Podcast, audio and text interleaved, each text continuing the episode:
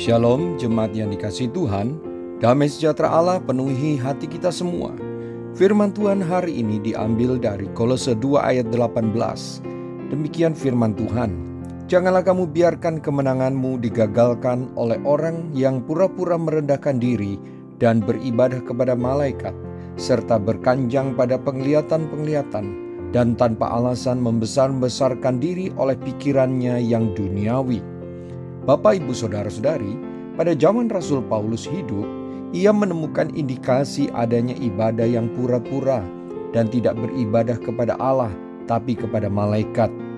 Janganlah kita tertipu dan menipu diri sendiri. Mari jujur, bagaimana kita beribadah selama ini, sungguh-sungguh atau pura-pura, dan tidak tertuju kepada Allah. Kita tidak bisa menampik kenyataan adanya orang yang beribadah dengan pura-pura dan beribadah yang tidak tertuju kepada Allah.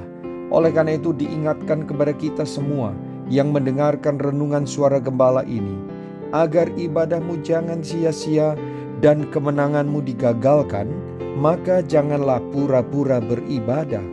Supaya kemenangan jangan digagalkan kata Rasul Paulus, kemenangan apa?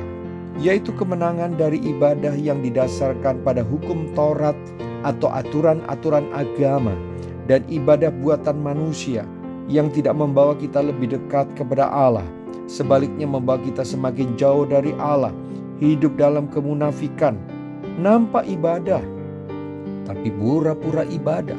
Bukankah itu munafik?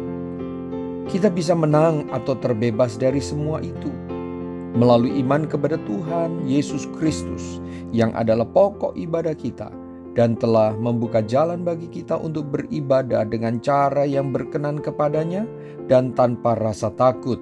Kita semua pasti tidak mau disebut orang yang beribadah dengan pura-pura. Kita pasti tidak suka dengan anggapan itu.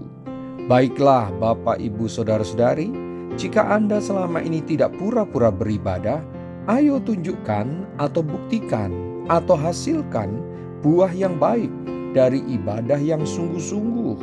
Buah yang baik yaitu karakter yang semakin baik, sikap yang semakin baik, berkata-kata semakin baik, perasaan dan pikiran yang semakin baik, iman yang semakin baik dan selanjutnya silahkan daftarkan sendiri apa yang seharusnya yang baik muncul dari orang yang sungguh-sungguh beribadah.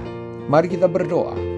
Tuhan Yesus, Engkau yang paling tahu hati kami motivasi kami, kesungguhan hati kami, perasaan kami dalam melaksanakan ibadah, baik ibadah bersama kebaktian di gereja, di kelompok kecil, maupun ibadah pribadi.